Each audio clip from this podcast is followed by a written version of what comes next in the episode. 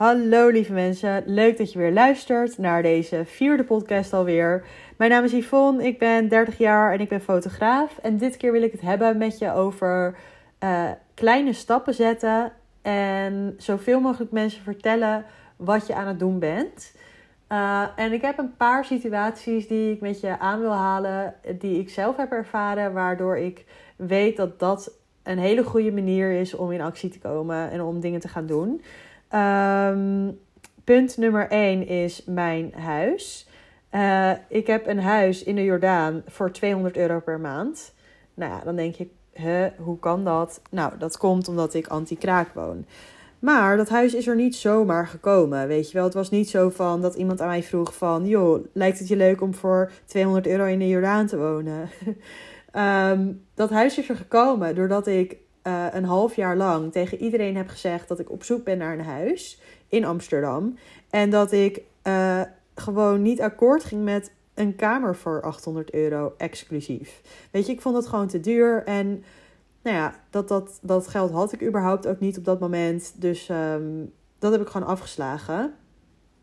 En natuurlijk is het mazzel hebben dat ik nu dan weer in zo'n situatie terechtkom dat ik uh, voor zo'n bedrag kan gaan huren. Ik denk, ik geloof echt niet dat dat voor iedereen mogelijk is. Maar ik geloof wel dat op het moment dat je het met zoveel mogelijk mensen deelt over waar je naar op zoek bent, dat er dan wel meer ook weer naar je terugkomt. Er zijn dan altijd mensen die aan je denken op het moment dat er ergens een kamer vrijkomt. Op misschien wel een hele mooie locatie of voor een heel betaalbaar bedrag.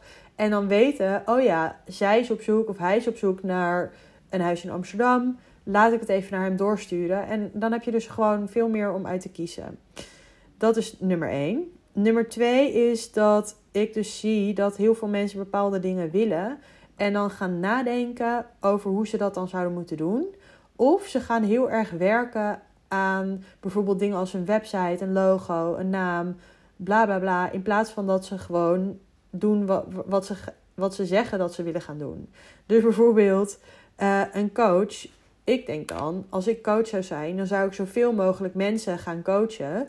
Daar elke keer weer op reflecteren van wat ging er goed, wat ging er niet goed. Hoe kan ik dit beter doen in de toekomst? En op die manier creëer je een soort van netwerk en heel veel klanten waar die allemaal weer door kunnen vertellen van ja, ik heb toen een keer coaching gehad van Yvonne. Ik wil geen coach worden overigens. Ik, uh, ik ben mentor, geen coach. Uh, maar goed, dan, dan kan het dus hypothetisch gezien kan het dus zijn van ik heb toen een keer coaching gehad van Yvonne. Dat vond ik heel erg prettig. Uh, mocht je iemand zoeken, bel haar dan eens een keer, weet je wel. Dat is gewoon hoe het werkt met ondernemen. En dat maakt niet uit wat voor dienst of product je hebt. Maar op het moment dat meer mensen ervan weten en jij met vol enthousiasme en uh, weet je, de feedback serieus neemt om je product verder te ontwikkelen of je dienst verder te ontwikkelen. En daar ook om vraagt, om feedback. Maar op die manier zeg maar met jouw product of dienst omgaat, dan weet ik zeker dat, dat er ook genoeg klanten naar je terugkomen.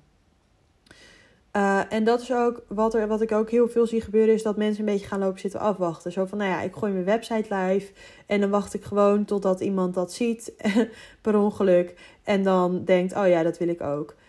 Zo werkt het gewoon niet. Het gaat er echt om dat je mogelijkheden creëert. Dat ik begon met fotograferen, heb ik echt ontzettend veel meiden gevraagd of ik ze mocht fotograferen. Vervolgens ben ik dingen gaan organiseren. Vervolgens ben ik gratis voor uh, merken en dingen gaan werken.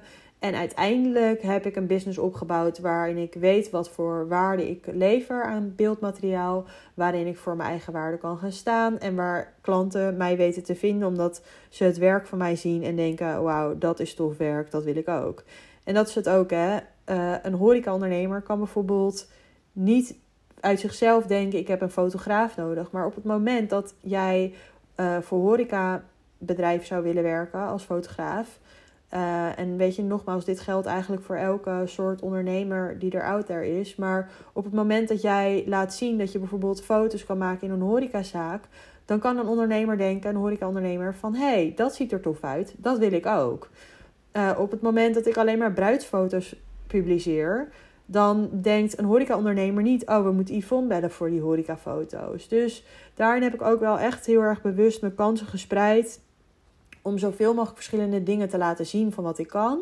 Om te zorgen dat er ook zoveel mogelijk verschillende klanten denken aan mij op het moment dat ze denken aan een fotograaf. Omdat ze weten dat ik dat specifieke ding wat zij willen, dat ik dat kan.